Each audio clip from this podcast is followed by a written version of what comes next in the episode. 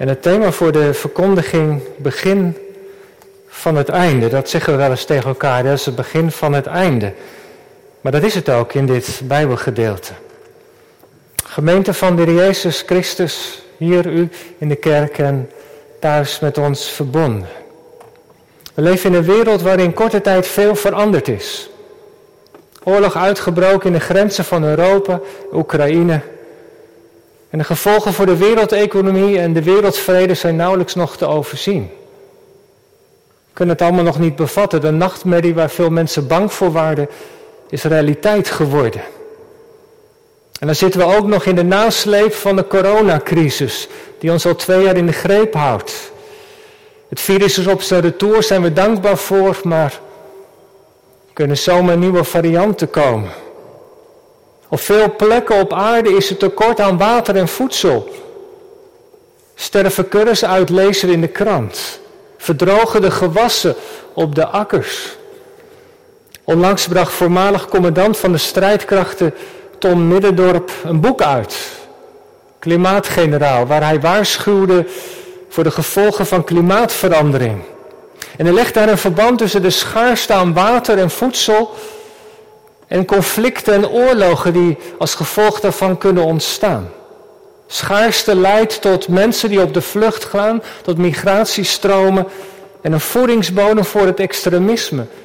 Daar vraagt hij aandacht voor. Oorlogen, ziekte, tekort aan water en voedsel. Het zijn de thema's van het laatste Bijbelboek. Ze komen in deze hoofdstukken aan de orde. Het zijn de tekenen vlak voor het einde van de tijd. De tijd vlak voor de wederkomst van de Heer Jezus wordt gekenmerkt door grote veranderingen. Alles wat zeker is en was, dat zal gaan veranderen. Als het gaat om het klimaat, als het gaat om voedsel en water, om het samenleven van mensen, de orde, de vrede, komt steeds meer onder druk te staan. Dat is wat in dit laatste Bijbelboek wordt onthuld. En we hebben dat al eerder gehoord. De zeven zegels, openbaringen 6 en verder gingen daarover. Hoofdstuk 8 over de zeven trompetten. En trompetten, dat, die zijn bedoeld om aandacht te vragen. Ze klinken vlak voordat de grote eindstrijd begint. En nu in hoofdstuk 16 de zeven schalen. En ik heb al eerder gezegd, het is niet zo dat we dat allemaal chronologisch moeten lezen. In de zin dat het allemaal naar elkaar plaatsvindt. Maar er zit overlap in.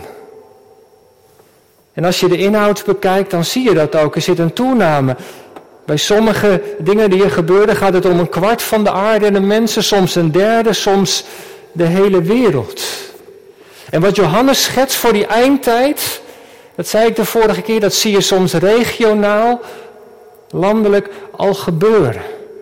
Als het gaat over de vervolgingen, China, Noord-Korea of op andere plekken in Afrika, daar zie je al duidelijk iets van wat dit laatste Bijbelboek onthult. En tegelijkertijd is er ook een gevaar met dit laatste Bijbelboek. Wil ik er toch nog even de vinger bij leggen. Er zijn eigenlijk twee gevaren. Dat we dit, dit, dit, die Bijbel, dat laatste Bijbelboek, als een soort routekaart gaan zien, een soort spoorboekje. Eerst moet er dit gebeuren en dan dat. En daarna zal dat zijn. En dan kijken we naar het wereldgebeuren. Oh ja, hier zitten we ergens ongeveer op de routekaart. Maar het is toch ietsje complexer. Veel van wat Johannes beschrijft gebeurt op hetzelfde moment. Ik gebruikte de vorige keer het beeld van een museum. Als iemand een museum bezoekt en daarna vertelt wat hij heeft gezien, dan vertelt hij, ik ging die kamer binnen en toen was er die expositie en toen heb ik die schilderijen gezien. En mensen vertellen de dingen vaak na elkaar. Maar als je van boven naar het museum kijkt, dan zie je alles tegelijkertijd. En zo heeft Johannes ook moeite om te beschrijven wat hij ziet. Hij, hij is in een, in een heel visioen en allerlei dingen gebeuren daar tegelijkertijd, maar hij vertelt het wat meer chronologisch, zodat we het kunnen volgen. Op sommige plekken op aarde zien we het onheil al gebeuren. Een kwart, de helft, de mensen zitten er middenin. En de onrust en de onzekerheid de conflicten die erover zullen ontstaan, zullen, en dat is wel de lijn van het boek, zullen alleen nog maar toenemen. Als je het eindtijdplaatje van openbaringen serieus neemt, En ik dacht dat we dat in de kerk ook doen, dan is het eindtijdplaatje niet rooskeurig. Jazeker, de nieuwe hemel en de nieuwe aarde die zullen komen. Goddank. Dat heeft de Heer beloofd. En het kruis en de opstanding van de Heer Jezus is daar het begin van en het fundament. Wat God heeft beloofd, dat zal komen. Die nieuwe wereld waar geen ziekte, geen zonde is, geen dood meer, die gaan zeker komen. En te midden van het wereldgebeuren komen we in de kerk en oefenen we ons in die verwachting. Ik geloof de wederopstanding. Ik geloof de nieuwe hemel en de nieuwe aarde. Maar de weg daar naartoe, dat is geen gemakkelijke weg. Maar dat weten we in Gouden ook al. Toch? Door het lijden heen naar de heerlijkheid. Openbaringen laat veel zien over het einde, maar niet in de zin van een spoorboekje. Eén op één met wat er op de aarde gebeurt. Maar het is wel bedoeld om ons waakzaam te houden. Dat we door wat er op aarde gebeurt, dat we, dat we met de ogen van het geloof kijken. Ja, maar dit is wat door de Heer is voorzegd. Zeker. En degene die het ons heeft gezegd, dat is de Heer Jezus zelf. Hij heeft de boekrol in handen en onthult wat belangrijk is om te weten. En dat is het tweede gevaar van dit Bijbelboek. Dat we alleen maar kijken naar wat er op aarde gebeurt. Logisch.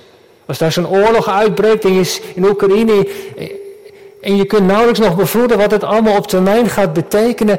Ja, dat, dat, dat kan haast ook niet anders, dat je daardoor wordt meegezogen. Maar dit laatste Bijbelboek wil ons ook helpen. Om niet alleen te kijken naar de dingen die we kunnen zien, maar naar de Heer Jezus. Die die boekrol over de geschiedenis in zijn handen heeft. Daar begon het laatste Bijbelboek mee, met het eerste hoofdstuk. En daar zagen we de Jezus staan als de opgestane Heer. Hoofdstuk 1. Als de overwinnaar. Mij is gegeven alle macht in de hemel en op aarde. In hoofdstuk 4 en 5 staat hij in de hemel als het lam dat is geslacht. Hij staat daar als degene die zijn leven heeft gegeven aan het kruis. Geslacht verwijst daarnaar. Hij is degene die zijn leven heeft laten kruisigen vanwege het kwaad en de zonde van ons mensen. En hij heeft dat willen doen en heeft zo de overwinning behaald. Het staat. Niet machteloos, maar machtig. En dat is een bijzonder beeld. En deze Jezus heeft die boekrol. Weet u het nog? Johannes kijkt op de aarde, was niemand. Hij kijkt in de hemel, er was niemand. Er was niemand het waard, waardig om die boekrol van de geschiedenis in zijn handen te houden dan Jezus. En dat moeten we niet vergeten als we door die laatste hoofdstukken wandelen samen. Om dat beeld voor ogen te houden. Het is Christus die het ons onthult. En ik hoop dat het voor ons is. Als wij nou door het geloof met de Jezus verbonden zijn. Dan zijn we verbonden met Hem die die boekrol in zijn handen heeft. Aan degene die zijn leven voor ons gaf.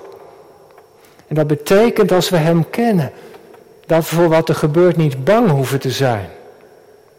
Want Hij draagt zorg voor mijn leven, voor uw leven, voor jouw leven. En ik kan veel beter voor ons zorgen dan wij voor onszelf kunnen zorgen. En hij, zegt Johannes, hij wandelt te midden van de kandelaar, hij is te midden van zijn gemeente. Ook zijn gemeente op al die brandplekken. Die gemeente in Oekraïne die daar in de kelder lofliederen loopt te zingen. Op de Heere God. Ook daar wandelt hij. Dit laatste Bijbelboek, broeders en zusters, wil ons dus over die toekomst iets onthullen. Maar het is Jezus die het ons onthult. Dus het oog houden we gericht op Hem. Dicht bij Hem zijn we veilig. Hij is het fundament. Wat is je enige troost in alles wat verandert en beweegt? Hopelijk zeggen we samen dit, dat ik van Hem ben. Hij heeft mijn leven gekocht. En dat is mijn houvast. Mijn houvast is dat Hij mij vasthoudt. In al die onzekere tijd. En weet u wat nou zo mooi is? Hoofdstuk 15 begint daarmee. Dan heb je dus al die dingen die op aarde gebeuren, die plagen, die oordelen. En dan ziet Johannes een groepje mensen staan bij de zee. En ze zingen. Het zijn de martelaren. Ze hebben het beest overwonnen. Het zijn mensen die, die vanwege hun geloof zijn, zijn gedood. Ze staan daar. Ze zijn in de glorie, om zo te zeggen, in de gloria. In aanwezigheid van God. En ze zingen, vers 3, ze zingen het lied van Mozes en van het lam. Het lied van Mozes dat verwijst terug naar het volk Israël. Bij de Schelfzee. Toen de dag werd door de vijanden. En hoe de Heere God op een bijzondere manier een weg baande. Zodat ze een veilige geleide hadden naar de overkant. God is de God van de doortocht, zingt dit lied. Zo heeft God hen ook door het aardse leven heen met al dat lijden gebracht. En ze zijn bevorderd tot heerlijkheid. En uit de diepte van hun hart klinkt het loflied. Ze prijzen God. En ze prijzen het lam. Want het is dankzij hem dat ze daar zijn. Hij stond voor ze in. Ze zijn de heerlijkheid binnengegaan op grond van zijn offer. En nu zingen ze een loflied. Een loflied op wat God heeft gedaan. Heren, Almachtige God, rechtvaardig en waarachtig zijn uw wegen. Wie zou u niet vrezen? Wie zou u niet prijzen, Heere God? Zij hebben het in ieder geval door. Hier op aarde is nog veel strijd, maar ze hebben gezien waar het op uitliep. En ze zingen God vanwege zijn rechtvaardigheid. En hij doet recht. Hij zal het kwaad en de kwaaddoeners straffen. Ze zingen hem vanwege zijn heiligheid. Hij is niet te manipuleren, hij is volmaakt trouw. En dat is het loflied wat klinkt in de hemel. Wat een indrukwekkend lied moet dat zijn. En als dan Johannes dat lied heeft gehoord, als hij dat heeft opgetekend, dan gaat zijn blik naar de tempel. Het blijkt in de hemel een tempel te zijn. En die tempel, ja, dat, dat, dat, dat weet u misschien wel. Het volk Israël kreeg de opdracht om een tabernakel te bouwen op aarde. Later is de tempel gemaakt. De tabernakel moest door Mozes gemaakt worden, maar die is gemaakt in de tempel ook naar een hemels voorbeeld. In de hemel staat het prototype van de tempel. En de aardse tabernakel en tempel was daar een afschaduwing van. En Johannes ziet die tempel in de hemel en hij ziet die zeven engelen, die komen uit die tempel naar buiten. En ze hebben witte kleren aan en een gouden gordel, een hemelse gestalte, net zoals de Heer Jezus in openbaringen 1. En wat krijgen ze? Ze hebben schalen in hun handen. Nou, en als je even terugbladert naar, naar Openbaringen 5, dan, dan zijn die schalen, daarop lag het reukwerk. Weet u dat nog? Het reukwerk dat symboliseerde de gebeden van alle heiligen op aarde. Die werden in de hemel verzameld in die schalen en die werden bij God gebracht. Maar nu zijn die schalen vol met de toren van God. En die twee hebben met elkaar te maken. Ik weet niet of u zich dat nog herinnert. Maar Johannes vertelt ergens in een van die hoofdstukken dat er mensen zijn, de zielen onder het altaar, die roepen aan God, Heere God, wanneer doet u recht? Wanneer gaat u dat onrecht en het kwaad op aarde nu vergelden? Wanneer komt u in actie? Wanneer doet u recht? En dat, die, al die gebeden die zijn in dat reuk, in die schaal verzameld, de tempel binnengedragen. En nu komen ze naar buiten en is die schaal gevuld met de toren. Met andere woorden, God gaat die gebeden nu vervullen. Al die gebeden van die gelovigen, die zijn niet verwaaid met de wind, maar die zijn verzameld. Voor Gods aangezicht in de tempel gebracht en die gaat ze nu verhoren. Ik ga recht spreken. Zijn oordeel komt. En die gaat het kwaad en onrecht vergelden. En dat is wel belangrijk, gemeente, dacht ik. Dat, is, dat betekent dus dat bidden nooit te vergeefs is. Maar dat wist u toch wel? Wist jij toch ook wel? Dat al die gebeden van ons. En wij denken dat God ze niet hoort of niet verhoort. En we moeten er misschien heel lang op wachten. Misschien is dat uw ervaring ook wel. Of die van jou. Maar ze zijn allemaal verzameld. En God past ze in in zijn plannen. En weet u, dat is ook in dat gebed. We stonden daar Berlijnerscategorisatie twee weken geleden bij, bij stil. Ging het over het gebed, over het gebed van het Onze Vader. Dat begint ook. Laat uw koninkrijk komen. Dat gebed wat we dagelijks misschien wel bij de maaltijd bidden. Ook dat gebed is niet te vergeefs, Heere God. Daar in Afrika, daar in Noord-Korea, daar in de Oekraïne. Laat uw koninkrijk komen. En er komt een moment als we zeggen, ja, nu is het moment. Geen van onze gebeden is te vergeefs. En God is machtig en vastbesloten om recht te doen. Johannes ziet dat die tempel vol is met rook. En die rook, Shechina, de wolk van de heerlijkheid, van de tegenwoordigheid van God, is daar. Maar er staat ook dat hij vervuld is vanwege de toren van God. Dat is een grijpend beeld. Het is het moment dat God toornig wordt, vol van de toren van God. En u moet weten dat er in het Grieks twee woordjes zijn voor toren. De eerste zou je kunnen vertalen met ingehouden woede. Je bent boos, maar je houdt het allemaal bij je. Maar je hebt een andere vorm van boosheid. Dat je zo boos bent dat het naar buiten komt. En dat woord wordt hier gebruikt. De toren van God komt naar buiten. Vlak voor de wederkomst van de Heer Jezus. De toren van God betekent, zegt Johannes, dat God om zo te zeggen woedend is. Tot in het diepst van zijn wezen. Het heeft eeuwenlang opgestapeld, om zo te zeggen. Heeft God geïncasseerd. Maar nu komt het naar buiten. En waar gaat zijn toren dan over? Nou, een paar dingen kunnen we denk ik wel bedenken. Zijn toren gaat over de vernietiging van de kosmos. De schepping wordt een kosmos genoemd. Is door Heere God zo mooi gemaakt. Hij heeft die mensen opgezet, geschapen naar zijn beeld. En wat is er van geworden? Wat hebben wij ervan gemaakt? De schepping was bedoeld als een, als een sieraad om de schoonheid van de schepper te weerspiegelen.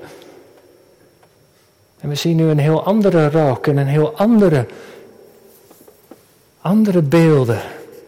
Die, die woede die heeft te maken met, met de vervolging van zijn kerk. Met de gelovigen die hem willen dienen, die geroepen zijn op aarde de liefde van Christus door te geven. En, en hoeveel miljoenen broeders en zusters worden niet vervolgd vanwege hun geloof. Terwijl ze alleen maar de liefde van Christus bekendmaken.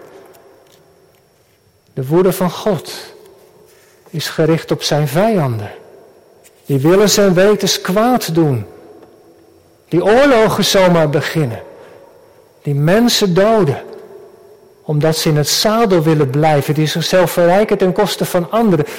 Die mensen de vernieling in helpen. Die de wereld de vernieling helpen. En God zegt, nu is het genoeg.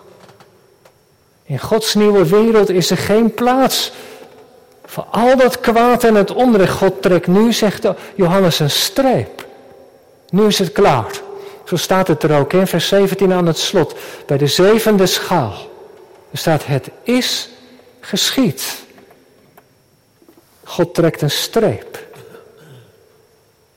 Nu is het genoeg. En waar gaan die oordelen dan over? Nou, dan kijken we naar hoofdstuk 16. Ik wil ze even met u langslopen. De toren van God richt zich heel specifiek tegen mensen die het beeld van het beest en het beest hebben aanbeden. Dat zijn mensen, staat er even verder, die het bloed van de heiligen van de gelovigen hebben vergoten. Die de profeten hebben gedood. Het gaat dus over mensen die kwaad doen. wat gaat er met hen gebeuren? Schaal 1, ernstige ziekte. Schaal 2, het zoute water wordt als bloed. De rivieren, de, de, het zee, de zee, wordt als bloed. De dieren daarin gaan sterven. Schaal 3. De rivieren en de waterbronnen zullen worden als bloed, ondrinkbaar. Dat duidt dus dat er een geweldige milieuramp van gigantische omvang zal plaatsvinden. Grote impact op heel de aarde.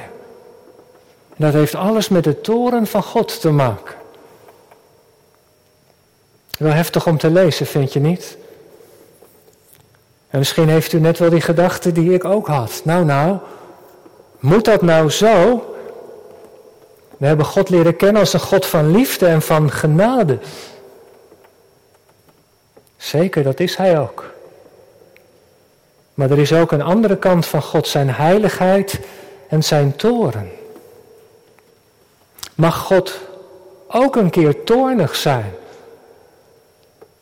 Op wat er op aarde gedaan wordt, op het onrecht en het kwaad. Als wij alleen al boos kunnen worden over onrecht wat ons is aangedaan. Hoeveel te meer God? En dat gebeurt hier. Hij trekt een streep. En weet u, als je Bijbel bij je, bij je hebt, moet je maar eens kijken naar de versen 5 en 7. Dat is een soort intermezzo. Komt een engel en die gaat God prijzen. Hij wordt speciaal gezonden. En die gaat God prijzen vanwege de rechtvaardigheid van zijn oordeel. Uw oordelen zijn waarachtig en rechtvaardig. Wordt er gezongen, wordt er gezegd. Ja, heren, uw oordelen zijn rechtvaardig. En deze versen gaan dus over de eindtijd, de tijd vlak voor de wederkomst van de Heer Jezus. Al die eeuwen is God geduldig en stil geweest. Hij heeft het onrecht verdragen, geïncasseerd zoals ik zei. Dat mensen hem bespotten en lasteren, dat ze de schepping en de mensen kapot maken. Maar nu staat hij op. Weet u gemeente, we moeten niet denken dat God dat zomaar doet. Nee. Want wat heeft God in die tussentijd gedaan? Tussen de schepping en de voleinding. Wat heeft hij in die tussentijd met zijn boosheid gedaan? Het is lijdenstijd. De eerste lijdenszondag verdaan. Hij heeft het oordeel van het kwaad heeft hij op zijn eigen zoon gelegd. De zeven schalen die waren bijeengegoten in die ene beker die de Jezus heeft gedronken in de hof van Gethsemane. En toen hij daar knielde en zweette, zat er bloed bij. In de hitte van de verzingende middagzong hing hij aan het kruis. Drie uur dikke duisternis. God goot de schalen van zijn toren uit op zijn eigen zoon. Jezus was de vertegenwoordiger van heel de mensheid. En hij heeft dat oordeel gedragen. Niet omdat moest, ja ook, maar omdat hij dat wilde. Als bliksemafleider, om zo te zeggen. Jezus wilde dit dragen voor alles. Wat in mijn leven niet op orde is. Uw leven, jouw leven. Vanwege het kwaad dat ik heb gedaan, in de woorden die te veel of te weinig maken. Alles wat er in mijn leven niet mankeerde, dat heeft Hij gedragen. Voor mij. En dan snap ik waarom die engel God prijst. Wat dat betekent, omdat hij dat heeft gedaan en ik door het geloof met hem verbonden te zijn, ik voor dat laatste oordeel niet bang hoef te zijn. En u ook niet als, en jij ook niet als je hem kent. Omdat Jezus dit heeft gedragen. Hij ging in mijn plaats staan. Kruis en opstanding en daartussen is de tussentijd tot vlak voor de wederkomst, de eerste en de tweede komst van de Heer Jezus. En dat is sindsdien de tijd van Gods geduld. Tijd van de genade, de deur van de vergeving, de deur naar Gods toekomst staat nog steeds open. Totdat Jezus komt. En dan valt de deur in het slot. En nu zijn die schalen in dit hoofdstuk de opmaat naar het einde. En in die tussentijd heeft God de kerk, heeft Hij ons opgedragen om in deze wereld van Jezus te getuigen. Om uitleg te geven over wat er gebeurt. Om te wijzen naar degene die de boekrol in zijn handen heeft. Om te getuigen van de liefde nu het nog kan. Om mensen te vertellen dat de rechter eerst gekomen is als een redder. En dat bij hem een leven veilig is. Want de ontwikkelingen gaan wel door. De vierde schaal, de zon zal verzingend branden. Er is geen ozonlaag meer ter bescherming. Maar de mensen blijven God lasteren. Brengt u niet tot bekering. De vijfde schaal, in vers 10, gaat over de troon van het beest. de uitleggers wijst op dat het gaat over het politieke systeem. Er zal duisternis komen in de politiek, in de regering van de landen. Een duisternis die alles zal verhullen. En in Openbaringen 9 ging het al eerder over de duisternis. En dat was de duisternis van het kwaad. De demonen van de onderwereld. En op een of andere manier zal die, zegt Johannes, de troon van het beest gaan verduisteren. wat betekent dat? Nou ja, als het duister is, dan kun je niet scherp kijken. Dan zie je het gelaat van de ander niet echt goed. Niet goed scherp. Het licht zal ontbreken om elkaar als mensen te blijven zien. Het zicht ontbreekt op wat goed en fout is. De duisternis, nacht is van het ongedierte, daar maken mensen kwade plannen. Dictators broeden op een bed, vreedste plannen uit. Maar hoe donker het wordt op aarde, het brengt geen verandering. En dan de zesde engel, de zesde schaal. Je zou even mee moeten kijken, dat is een, een bijzonder beeld. Wat, gebeurt er bij die zesde schaal? Gaat het over de rivier de Eufraat. Nou, helemaal in het noorden van Israël, twee stromen land, Irak, Iran, die kant op. Er zit de Eufraat en de Eufraat zal verdrogen. En de koningen zullen komen van het land waar de zon op gaat. Koningen uit het land waar de zon op gaat. Wie zijn dat? Nou ja, wat ligt er in het oosten? China, Japan, India misschien? Centraal-Aziatische landen, Kazachstan, Kirgizië, Mongolië? Of is het zoals uitleggers zeggen Rusland? Het volgende, in hoofdstuk 20 wordt gesproken over de strijd tussen Gog en Magog. De uitleggers verbinden dat met Rusland, die optrekt, ook tegen Israël. Samen met, met de bondgenoten, met de Arabische bondgenoten van Iran, Irak en Syrië. Ja, het is wat speculatief, ik ben erg voorzichtig. Maar ik wil het toch wel noemen. Opdat we gewaarschuwd zijn. In deze tijd dat Rusland besloot Oekraïne binnen te vallen. Is de legervertegenwoordiger in, in Syrië geweest. Zijn allerlei vliegtuigen geweest. En dan hebben ze Israël ook nog gewaarschuwd. Dat ze niet moeten denken dat de Golan van hen is. Zomaar te midden van die oorlog. Laten we kijken met de ogen van het geloof. Het zou kunnen dat het over deze dingen gaat. Maar goed, we moeten oppassen voor dat spoorboekje, dat snap ik ook wel. Daarom laat ik het hierbij. Maar laten we in ieder geval wel alert blijven. Want er zit nog iets achter en dat zegt Johannes ook. Het is eigenlijk wel een bijzonder beeld, maar het is om ons waakzaam te maken, vers 13. Hij ziet uit de bek van de draak, de bek van het beest, uit de valse profeet, drie geesten komen, drie onreine geesten. Ze worden vergeleken met kikkers. De mensen van die tijd wisten wat dat betekende. Het waren onreine dieren. En die hadden te maken met het rijk van de demonen.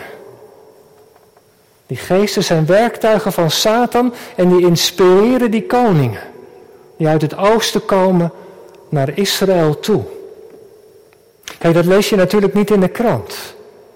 Dat hoor je niet op het journaal. Maar we zijn door het woord gewaarschuwd. De strijd die in de wereld gaande is niet de strijd van vlees en bloed, maar er zitten machten achter. Het is één grote beweging van Satan tegen Christus, tegen het rijk van God. En dan, laatste schaal, nasleep. De aardbeving die zal komen, verandering in het klimaat in de laatste verse. Het is een heel somber beeld. Het is de taal van de apocalyptiek, heb ik eerder iets over gezegd. Dat de grote veranderingen met de zon, maan en sterren, met het klimaat, duiden op veranderingen in de cultuur, in de samenleving. En zo zegt dit laatste schaal, zal er aan de aarde en aan de zekerheden geschud worden. En dat is de tijd die voorafgaat de wederkomst van de Heer Jezus. En wie zegt het tegen ons? Het is het lam. De Heer Jezus die die boekrol in handen heeft. Opdat zijn gemeente, opdat de gelovigen vandaag de dag gewaarschuwd zijn, waakzaam zullen zijn. Niet angstig. Verbonden met Christus die ons houvast is, maar wel waakzaam. Want wat is nodig in dit alles? Wat dit, dit hoofdstuk onthult. Dit. Kijk even mee naar vers 15, daar eindig ik mee. Het is tijd. Wat is nodig? Vers 15. Zomaar een vers tussendoor. Jezus zegt, lieve mensen, zie, ik kom als een dief. Een dief in de nacht. Dus je weet niet precies wanneer hij komt. Maar zalig ben je. Zalig is hij die waakzaam is. En op zijn kleren acht geeft, zodat het niet naakt zal rondlopen en men zijn schaamte niet zal zien. Vreemd beeld. Nee, ja, dat lijkt maar zo. Want weet u, onder Romeinse soldaten was dat nou juist de straf. Romeinse soldaten werden op wacht gezet en die moesten waakzaam zijn voor de vijand. Maar soms waren ze moe en vielen ze in slaap. En wat was dan de straf? Dan werden zijn kleren uitgetrokken en dan moesten ze naakt voor hun collega's lopen. En dat is wat Jezus zegt. Blijf dus wakker. En waakzaam. Het lam dat regeert, zorgt dat je door het geloof met hem verbonden bent. Dat is het allerbelangrijkste. Hij die waakt over ons leven. En we nemen de Bijbel in de hand en verbonden met Christus kijken we naar wat komen gaat. We hoeven niet angstig te zijn, want Hij regeert. Hij heeft alle dingen in zijn handen en ons leven is bij Hem veilig. Dat mogen we weten. En in die tussentijd mogen de liefde van Christus ontvangen en doorgeven. En er zijn heel veel mensen die Hem nog niet kennen en dat hou vast missen. Troost dat ik van Hem ben. Laten we daarmee bezig zijn. Het doorgeven, erover spreken. En laten we dat doen totdat Hij komt. Amen.